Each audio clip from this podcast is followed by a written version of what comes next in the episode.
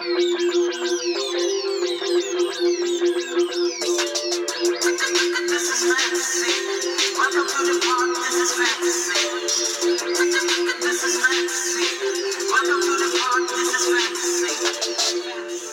sitter alltså i podcaststudion igen. Det är Oslo CP-ligan som startar. Och med mig i studion har jag givetvis professore, il professore Oslo CP själv. Välkommen till min liga. Ja, nej, tack ska du ha. Det är faktiskt du som bjuder upp till dans idag, i år. Eh, och eh, det är 12 glada gemänger som ska vara med och spela Ja, fantasy i, eh, blir det sex månader nästan nu? ja. Det, är ju, eh, det finns ju sån oerhörd glädje i den här perioden, så här, dagen före dagen, när fantasy ska börja. Ja, ja, ja, dagen. Det är, dag, det, det är dagen före dagen. Eller den här podcasten kommer ju ut dagen, Dagen före dagen. före dopparedagen. För det är ju lördag som är starten. Ja. Eh, vad ska vi säga om... Eh, det är två nykomlingar som är med. Eller Ogge. nykomling, ja en gammal nykomling som är tillbaka. Oskar Ogge Elkvist. Mm. Tillbaka efter att ha eh, tappat stinget totalt förra året. Eh, men nu är han med och ser på fotboll igen. Ja, han tycker det är kul Ja. att vara med. Men går han till slutspel? Det gör han inte. Nej, han, han har inte sett tillräckligt med matcher de senaste två, tre åren så vi tror inte på det. Nej. Plats nio. 9-10 någonstans tänker jag ju att han är nere och fightas på. Ja, ja. Ska vi ta de två sista platserna med en gång? Vad tror vi om eh, slutspels icke-kandidaterna som vi brukar kalla dem? Det, är ju, det är ju två givna eh, bottenplaceringar i år känner jag. Med, inför, inför året. Det ena är ju eh, Ingmar som har en tolfte placering. Eh, det det Att andra... Försvara. att försvara. Det andra är, tänker jag, Papil. Ja. Eh, som, eh, som också har en... Var, har han varit vidare till slutspel? Nej, han har ju en fruktansvärt låg lägstanivå. och så har han ju gått och vunnit ett år, är det inte så? Det kan jag inte komma ihåg. Det är förträngt sedan länge i så fall. Men alla vet ju att det är ju någon form av sån absurd eh, Mm. Leicester-grej där. Så att han, han är ju given, eh, tänker jag, inte till slutspel. Men eh, kan Ingman gå förbi eh, Papil i år? Alltså det ska mycket till, men jag tror Ingman har... Eh, Han har viljan. han har viljan och han har inte metoden. Men han, han kan säkerligen eh, få mer tid till detta i år. Alltså. Ja, han, han Ja. borde lägga mer tid på det. Ja, ja, det borde han göra. Eh, vi får se om han får upp eh, idrottsintresset generellt, Ingman. För han har ju eh, dippat av lite de senaste åren där. Ja, ja. Eh, det är, men vi har ju en nykomling till som vi inte heller tror på någonting ska ta sig till slutspel. Det är ju Mattias Bongo Bongolainen, schweizaren, som har kommit hem till Sverige. ja, du kan väl berätta lite om hans eh, kunskaper om Premier League? då? Han är ju eh, en gammal Arsenal-gubbe, tror jag, på något jävla vänster. Eh, och eh, har väl... Eh, nej, nu kommer nej. Tottenham i friläge. Det kan inte vara sant i röva i stolpen! Ja! Ja, där fick vi fan med, med en sån Bergwine-offensiv från Tottenham. Ja. Bergvin ska man ju inte ha. Nej, du, han har varit in och ut ur laget, men han är bra. Ja, nej, han är...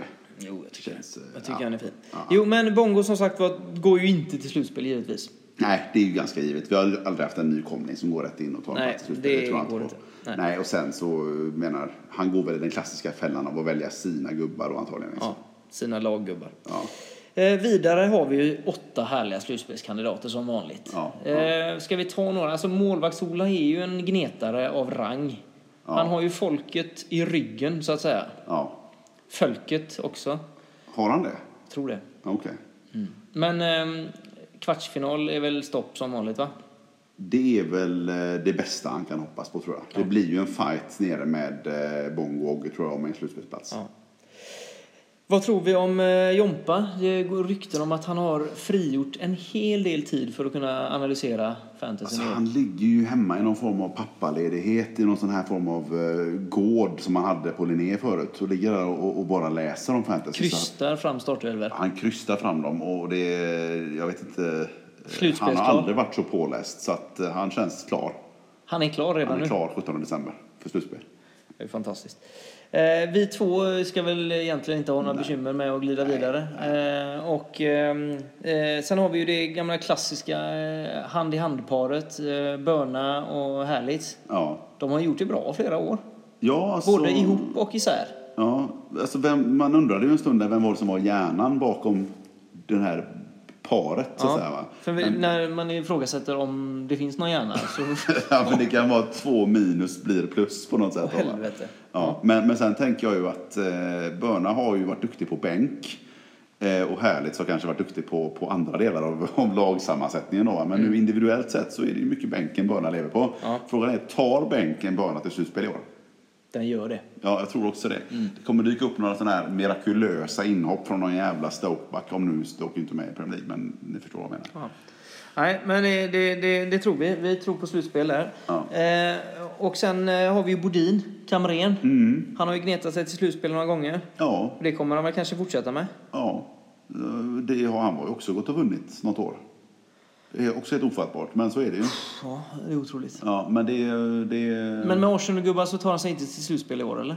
Eh, nej, då ska ju till att eh, Arsenal vänder sin trend. Just nu så är de ju inne i en, ja, en historisk svacka. Men nu skårade Aubameyang idag. Ja, men 1-1 hemma mot Sutton och de har ju egentligen, alltså jag tror jag läste någonstans om att de inte har varit så här dåliga sen, vad fan om det var 70-talet eller om det var 50-talet. 1700-talet trodde jag du skulle säga. 1800-talet. Det var någonstans samtidigt som Louis den 14. Nej, det, var, det, det, nej det, det är katastrof. Så Ja. att, eh, gör han det så går han i fällan. Men Bodin till slutspel också. Ja, det är ju trevligt. Ja. Bra, då var det en liten genomgång av årets deltagare. Nu tror jag vi kastar oss över... Du Eh... missade Mulle.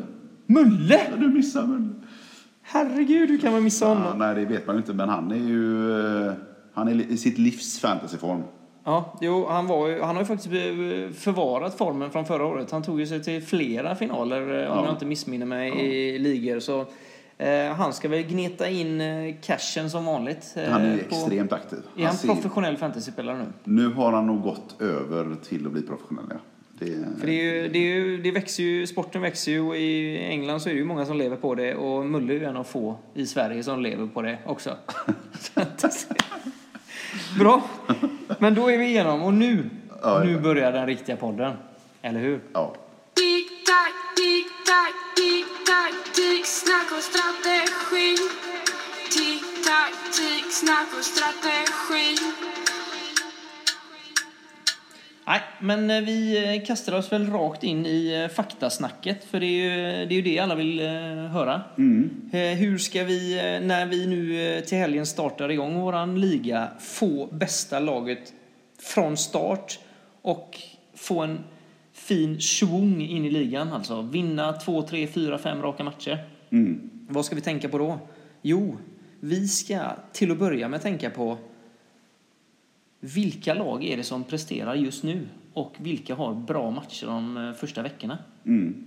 Har du någon, eh, liksom, eh, om vi, om vi börjar defensivt, har du någon som professor, någon plan för, eller någon kikat lite på vilka defensiver vi kanske kan slänga in, några backar som kan vara goa att få in? Alltså om du börjar lite stort, jag tänker på vilka, vilka lag är det som defensivt har presterat i år?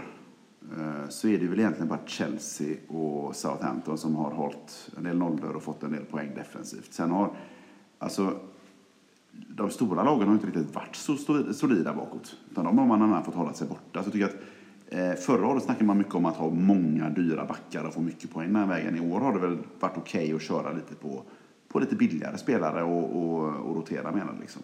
Så jag tänker att där är, är det kanske en del att hitta i de, i de lägre skikten på, på priserna. Liksom. Men när vi gräver i lite i eh, matchupsen då för de första två, två, tre, fyra veckorna så ser vi ju ändå att eh, när vi tittar så är det faktiskt det är fyra storlag som har tre, fyra kanonmatcher direkt. Ja. Så det, det är liksom, vi kan inte, vi kan inte lämna spelare på bänken från de stora lagen. Liverpool har en dröm, drömsmatchning över hela jul och nyår. Ja. Eh, Men, är, det någon som, är det någon annat lag som har något liknande? men ja, alltså eh, Chelsea är ju stabilast defensivt just nu. Och de har tre bra, eller tre helt okej eh, matcher i början. De möter eh, West Ham hemma, Arsenal borta, Aston Villa hemma. Det är tre bra matcher de kan fint hålla nollan i.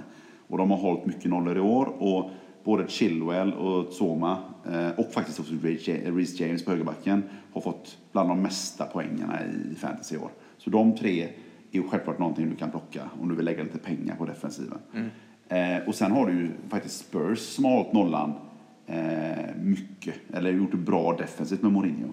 Och de har ju också ett bra program med Leicester hemma, Wolves borta, Fulham hemma och sen Leeds hemma. Och sen Aston Villa borta faktiskt. Det är egentligen fem matcher De har en kanonstart. Liksom. Ja. Men eh, City har också kanonmatcher. United har väl också kanonmatcher? Hur är det Ja. med backlinjen där? Alltså City möter Southampton borta i första. Southampton har varit fina i år. De har, haft, de har Ings, de har Adams, de har Walcott, de har James Ward-Prowse. De har egentligen gjort mycket mål så att jag vet inte om City borta mot Southampton är en, i en given nolla på något sätt. Och sen har de, okej Newcastle hemma, men sen möter de Everton borta igen. Och där har du Calven som producerar som fasen. Ja. Och så, så jag vet inte, City känns som är lite shaky. City, shaky, shaky. Chelsea och Liverpool kanske starkare kort. Ja. Men av de billigare lagen där vi ska gräva fram backar Mm. som kanske inte kostar 6 mille utan eh, som kostar 4,5. Ja, alltså, Har vi några stabila lag eh, som håller, har bra matchning hela vägen i jul? Eh, Burnley har en jättefin eh, matchstart i över jul nu med tre, fyra riktigt bra matcher. Burnley har ju varit rätt dåliga i år och inte vunnit några matcher alls överhuvudtaget. Men sen Pope kom tillbaka mellan stolparna Så är det skillnad. så har de faktiskt så har Pope varit den som har fått mest poäng av alla målvakterna. Och, han är liksom, och du ser att de har en mer stabilitet defensivt igen.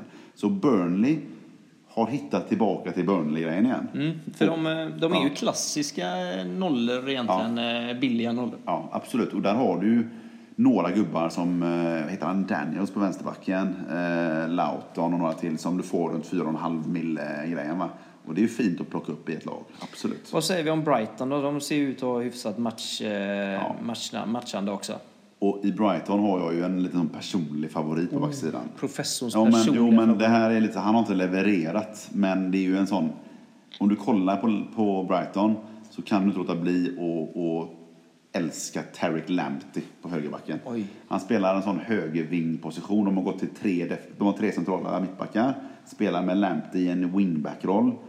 Eh, och han är alltså framme hela tiden. Han är en sån riktig terrier. 20 bast, kommer garanterat bli köpt av ett storlag. Han får till och med straffar och blir, du vet, här, han är den, den typen av gubbe. Men Brighton har inte hållit nollan, så han har fått väldigt lite eh, mittbacks, eller så här, backpoäng. Ja. Men fått en del Det offensiva ska poäng. bli spännande att följa och det ska bli spännande att följa hur många eh, som plockar in honom också efter den här eh, totala överösningen av, med, av, av beröm av professorn Eh, på en spelare. Fint! Vi eh, kan väl glida vidare. Eh, lite mittfältsnack. Starten. Vi vet ju generellt att det är storlagen som som skapar mycket chanser och har de dyraste mittfältarna. Och är det lika givet i år att de dyraste mittfältarna är det som gäller i fantasy? Jag tror att det är mer tydligt än någonsin att det är stor mittfältarna som gäller. Om du kollar på vad folk, sätter- hur de sätter upp sina lag så är det centrerat runt att du har extremt många i prisklassen mellan 9 och 11 som är liksom måste, måste ha. Du har Salah som är extremt dyr på 12 12,7 eller vad det är. Men sen har du ju liksom eh, Son, du har Bruno Fernandes i United som är helt extremt eh, involverad i allting som görs. Eh, du har De Bruyne självklart. Eh, och, ehm, Ja, vi har ju de, gamla klassiska. Mané och, Ja. och eh, Sterling eh, har väl också kanske, han kanske inte har presterat så han har inte varit så bra i år så han hade kanske hållit mig lite borta från faktiskt. Alltså. Men vad säger vi om Havertz då, som är liksom nya stjärnan i tyska landslaget, ung, 23 bast och nyköpt i Chelsea? Alltså, I Chelsea har ju varken Havertz eller Werner presterat offensiva poäng. De gör det helt bra säkerligen från ett eh, Lampard-perspektiv på lagspelet. Men poängmässigt Är de ingen fantasyspelare Ja? Werner, är ju dyr. Det är ju 9,5 mille liksom. Det är som Son. Eh, Men han gör inga poäng. Och Havertz är också ganska dyr och han är utbytt ganska ofta i så här 60 minuter utan att ha presterat någonting. Så det är stay away för mig alltså. Vi kan väl komma tillbaka till dem eh, med lite spelarstats Ja. senare då. Eh, Men eh, när du säger lägga storkovan på mittfältare rent generellt, vad har vi då kvar för forwards? Om vi tänker forwards, alltså storlag, forwards. Är det, vi vet ju alla vad Kane kan göra, men vad har vi bakom Kane på, bland forwardsen? Alltså, dyra forwards så är det egentligen bara Vardy och Kane som har presterat och som också ligger i toppen på statistiken. Eh, de är, de är liksom, eh, och Vardy tar straffar och Kane tar straffar. Det är extra mycket straffar nu när det är VAR. Så det är de två stabila val. Men de är dyra. Eh, du har ganska många andra billiga alternativ offensivt som du får mer för pengarna, för skulle jag säga, i anfallsposition. Du har ehm, Bamford i Leeds som är svinbillig, som tar mest skott i ligan. Du har Wilson i Newcastle, den gamla klassikern från Bournemouth, som tar straffar och får mycket poäng. Eh, och så har du då Calven i Everton som leder, leder den skytteligan. Han har ju sett ut som en kalv på grönbete hela hösten. Ja, det kan man faktiskt säga. Eh, Ancelotti som tagit över Everton säger ju... Eh, har ju liksom, Lagbyggaren Ancelotti. ja, han har ju jämfört honom med det han gjorde med Inzaghi för länge, länge sedan. Att ha den där killen som, som klarar av att omsätta, eller vara i boxen och göra mål på lägena. Och Calvin har ju verkligen ändrats i år liksom och blivit den målskytten. Han ser fin ut, givetvis. Bra, men vi, nu har vi gått igenom lite av det givna materialet. Eh, Folk kan ju se vilka som har tagit mycket poäng och vilka som kostar mycket etc. Men eh, det vi i den här podcasten ska göra det är ju att gräva lite stats. Och för att lägga lite eh, info på vad, vad är det lagen presterar, vilka lag är det som kanske överraskar, eh, så har vi ju grävt fram eh, lite fina stats. Eh, både på liksom skapa chanser kanske, men vem har bollen i offensiva zoner? Vem, vem skjuter mest? Vilka lag skjuter mest? Snittar mest? Så vi, vi kan väl bara skjuta loss här va? Jag ställer lite frågor och du kommer givetvis med svaren professorn. Kör. Eh, Om vi, om vi ser på avsluten, om vi tar Big Six då. Nu snackar vi ju alla, alla storlagen som vi tror ska eh, skapa mest. Eh, vilka är det då som är i topp på avslut per match? City ligger som vanligt överst på listan med strax över 16 skott per match, vilket är jävligt mycket. Om vi då tar Arsenal här eh, som är ett gammalt storlag och inte ett storlag längre. Hur stor är skillnaden skott per match? Arsenal ligger alltså nere på 10 skott per match. De har ju alltså, ja, de är inte på halvparten, men de är ju en betydligt längre ner på listan. Och de ligger ju faktiskt, ja, vad- blir det på listan? Någonstans runt 15-16 lag i ligan sett till antal skott. Bakom storheter som Fulham och Brighton. Så Brighton skjuter fler skott per match än Arsenal gör. Ja, ja. Det är underbart. Eh, United eh, och eh, Chelsea ligger väl ungefär lika, vad jag kommer ihåg. De ligger någonstans runt eh, 13-14 skott per match också. Runt en femma, sexa i, i, snitt i, ligan. Och Liverpool är med uppe i toppen. Strax där, va? ovanför det med 14-15 skott per mål istället. Ja. Har du några som sticker ut här eller? Ja, det som är rätt kul att se där, visste faktiskt inte jag förrän vi kollar på det nu, och det är ju att ser du på flest skott i ligan så ligger alltså Leeds tvåa med 15,3 skott per match. Och Aston Villa ligger trea med 14,8 skott per Här har vi alltså lag som eh, är uppe och nosar i boxen. Kan vi då också säga om de eh, är hemma på topplistan på lag som har bolltouch i motståndarlagets straffområde? Eh, Det ska vi allt se om vi kan För här har vi väl eh, City som toppar den staten. Det brukar de faktiskt alltid göra. De senaste åren har de gjort det. Men Det har ju varit överlägsna förut. Ja. De, har, de ligger rätta i år också med, eh, ja, det, är, det är svårt att säga vad det betyder, men de har 32 stycken touches inne i motståndarens målområde per match. Men det som är ganska intressant, att Aston Villa ligger alltså också på 32.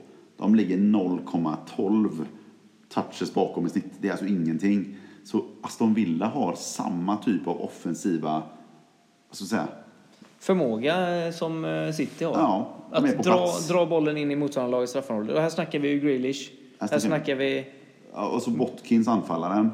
Eh, Men framförallt vill jag, eller framförallt, Grealish är det uppenbara. Han, är, han, är, han är ju liksom eh, superoffensiv Grealish. Men den som, eh, jag tycker att Villas anfallsspel har hackat lite sista matcherna och det hänger ihop med att Barkley har varit skadad. När Barkley är med och spelar så ger han en tyngd till Watkins Grealish och han kommer in i boxen på ett annat sätt och skapar poäng antingen för sig själv eller andra. Och han är på väg tillbaka. Han är på väg tillbaka. Han var aktuell för förra matchen, kommer förmodligen spela nu i helgen.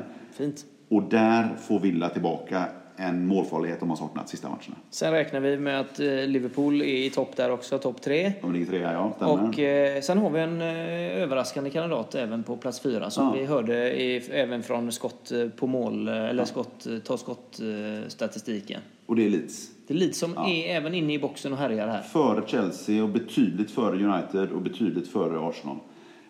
Och Leeds gjorde ju då fem baljer med en bred involvering. 5-2 vann de med. Många poängtagare i eh, både ass och mål Ja. där, olika målskyttar. Ja, eh, och, och klart att eh, där är det några väldigt spännande spelare Mm. som eh, man bör titta närmare på. Du får mycket för lite pengar där.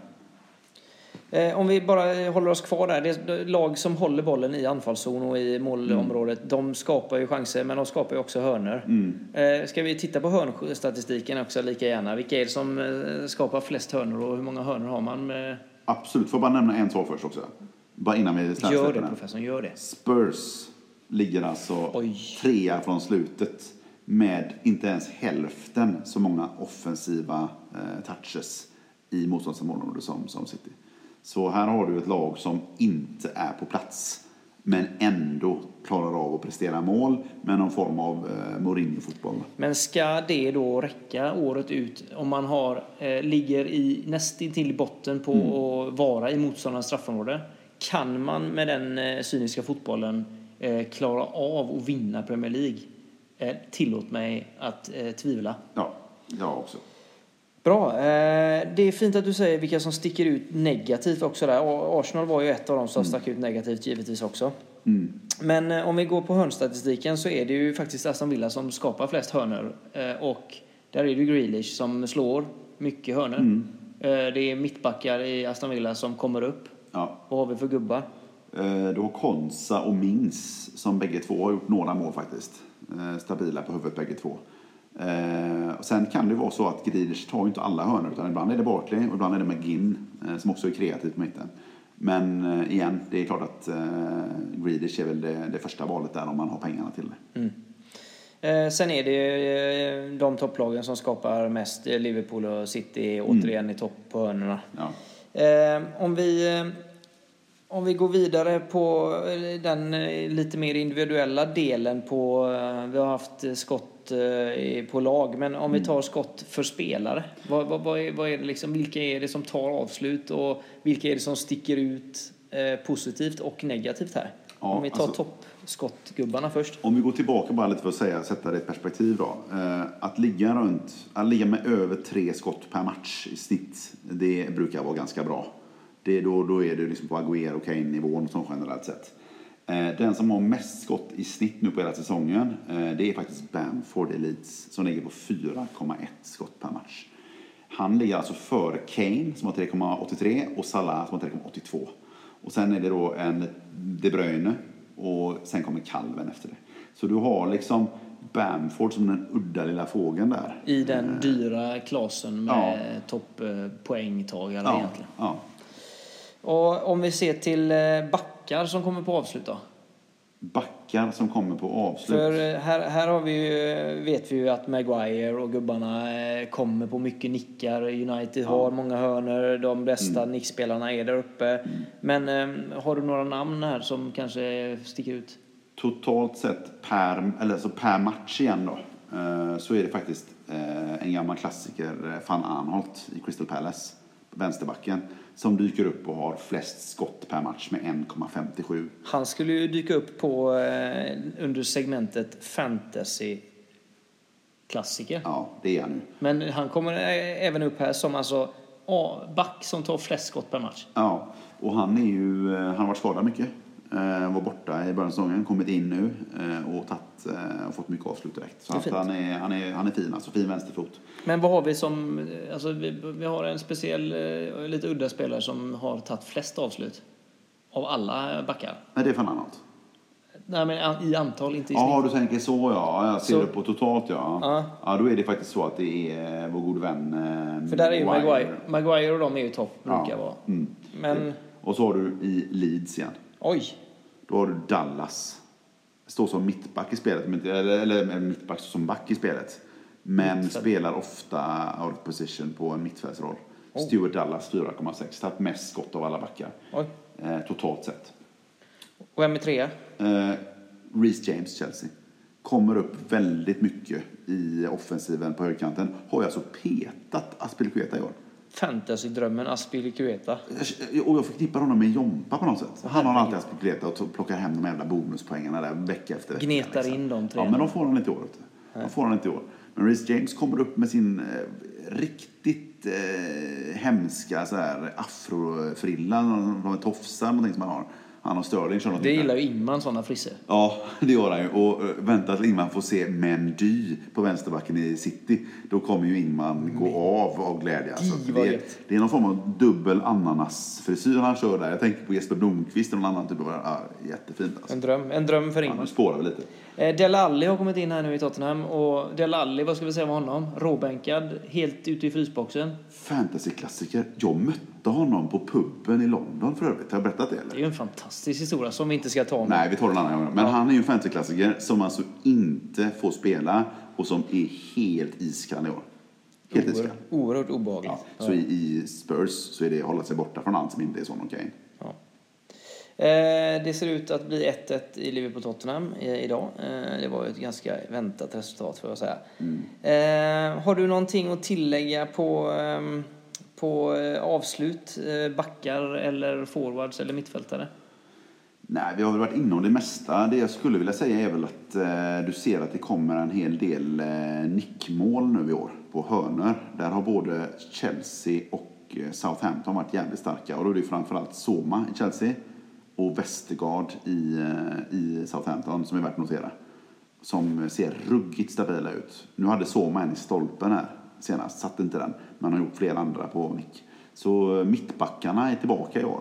Tidigare har vi snackat mycket om ytterbackarna som det enda och liksom du ska ha på backsidan. Men nu är mittbackarna faktiskt med och, och gör... eh, Det är gör värde att lägga lite Ja, pengar på. ja. Mm. Men, eh, ja, men det är fint. Det är ju härligt att höra. Det är ju två av dina backfavoritlag då, Southampton Ja, ja. och Chelsea som får med varsin pjäs där som backjokrar kan man väl säga då. Och, och offensiva jokrar, du har ju varit inne på Aston Villa väldigt många delar här nu. Där eh, Grealish och Barkley och Watkins är offensiva Mm. pjäser. Barkley på väg tillbaka. Eh, där kan vi hålla ett öga öppna då med att laget eh, tar avslut mycket och även hörnor etc. Så att ja, det kan bli poäng där. Mm. Kan vi kika lite på fantasyklasser snackar vi om och där sitter den! Vem Firmino! Fan, han har typ på på länge. Jag såg honom innan matchen så I han. 90 sätter han den. Med massa då, med på Lasse. Och här har vi faktiskt en pjäs också, Firmino. Ehm, de, eh, de närmsta matcherna här nu, eh, han är ju inte skadebenägen. Han är ju given i en startelva. Jota är, bänk, eller Jota är skadad. Ja. Många andra är skadade. Så att du, frågan är hur ska man rotera offensiven nu över jul och nyårshelgen här? Mm. Kommer man göra det? Han är ju en spelare som inte så ofta blir roterad faktiskt. Nej. Så att eh, det kan ju ta med in i fantasyvärlden. Men fantasyklassiker var vi inne på. Vi har två fantasyklassiker eh, som jag vill ta upp här som jag, som jag gillar och så vill jag höra om du har någon stats på dem. Det är Cresswell Ja. och Ogbonna i West Ham. Ja. Har du någonting att säga där eller eh, eh, ska, vi, ska, vi, ska jag bara gå på magkänslan när jag plockar in dem i mitt lag? Alltså bägge två har gjort det ganska bra i år. Vi har inte nämnt West Ham som egentligen gör det väldigt bra i år under David Moyes. Mm. De har ju faktiskt en bra, eh, alltså både defensivt och offensivt. Nu är ju Antonio skadad fortfarande, men i offensiven är han faktiskt ganska intressant nu och billig. Men i defensiven har man gått ner på en form av trebackslinje med två yttrar. Eh, där Cresswell har varit vänsterback i den trean. Men fortfarande slår mycket hörnor, frisparkar och, och kommer med, med goda svepande inlägg. Och ligger väl egentligen i topp på poängsatsen i, år eh, i, eh, i fantasy. Så Cresswell är absolut en back man kan se närmare på. Mm. Eh, och Bonna är ju en central pjäs där och kan ta och nicka in en boll, en boll eller två. Va? Han hade en hel del avslut Ja. eh, såg jag. Eh, Van Anholt har du varit inne på. Han hade jag på min lista här också. Fuchs i Leicester. är det någonting värt att nämna eller? Alltså hur gammal är han? Han är Eh, 64 va? Så att eh, ja, han bo- borde väl vara 40, 90, jag vet inte fan hur gammal han är. Han är väl den enda spelaren från eh, Leicesters eh, guldlag som fortfarande spelar ordinarie i backlinjen. Eh, men, och tillsammans med målvakten. Men, men eh, han startade alltså nu. Han har varit ur startelvan i höst lite kan man säga, men kommer tillbaka. Ja, alltså, men det igen, de har gått över till en 3-5-2 eller 3-4-3, vad man ska kalla det för. Där han då har tagit den eh, vänstra platsen i en trebackslinje. Eh, men om det är långsiktigt hållbart, om han ryker ut igen när det kommer tillbaka folk från skador, det är svårt att säga. Men han har tagit den platsen. Men vi håller ögonen öppna för honom. Ja. Eh, offensiva eh, fantasyklassiker. Saha, Crystal Palace. Ja, han har ju ofta varit en mittfältare på spelet förut. Nu är han ju en anfallare. Och han spelar ju renodlad anfallare tillsammans med Ben Tekken. Som gjorde mål idag. Som gjorde mål idag, ja. Och var farlig förra matchen. Så Zaha är ju Eh, tumme upp, tumme ner på Zaha. Tumme upp, men med en brasklapp om att det finns så många bra alternativ på mitten. Att det är frågan om man klarar av att trycka in honom i laget. Är han mittfältare i spelet? Nej, ja, det är han. Sorry. Walcott, mittfältare i spelet. Mittfältare i spelet. Eh, ny position ute till vänster i Southampton. Yes. Gör det bra. Eh, Fantasyklassiker, ja. Ja, vart Tumme upp, tumme ner i laget. tummen ner tror jag. För nytt. Skadebenägen. Eh, Ward Prowse är ju en klassiker. Tumme upp. Tumme upp. Billig fortfarande. Lite dyrare än förra året. Men fått otroligt mycket poäng i år eh, jämfört med tidigare. Och har Frisparkar, en av ligans finaste fötter. Mycket frisparksmål. Mycket involverad. Underbart. Ja, men jag, tror att, eh, jag tror att vi har eh, rapat upp en hel del stats här nu och eh, jag tror att vi har kommit med lite idéer. Har du någonting att avsluta eh, den här sesh- sessionen med? Har vi nämnt målvakter eller skiter vi bara i dem? Nej, men vi har, det har vi faktiskt inte nämnt. Vi pratade ju om det innan. Eh, roterande målvakter, två billiga eller eh, en dyr pjäs. Eh, vad är, vad är, hur, hur är trenderna i årets fantasy? Jag tror att många har gått bort från att rotera. Många har väljer en målvakt som är ganska billig och så sätter man den och så bara låter man den vara sen. För du orkar inte med trubblet varje vecka med att du. Förra veckan så var det många som bänkade Martinez i Aston Villa och spelade en roterande målvakt. För Martinez mötte då något lag borta, om det var Wolves eller vad det var. Ja, men då, då, då drar han ju in eh, 11 pinnar. Och så har man bänkat honom. Och det är full frustration. Du hatar den känslan när du bänkar den keepern.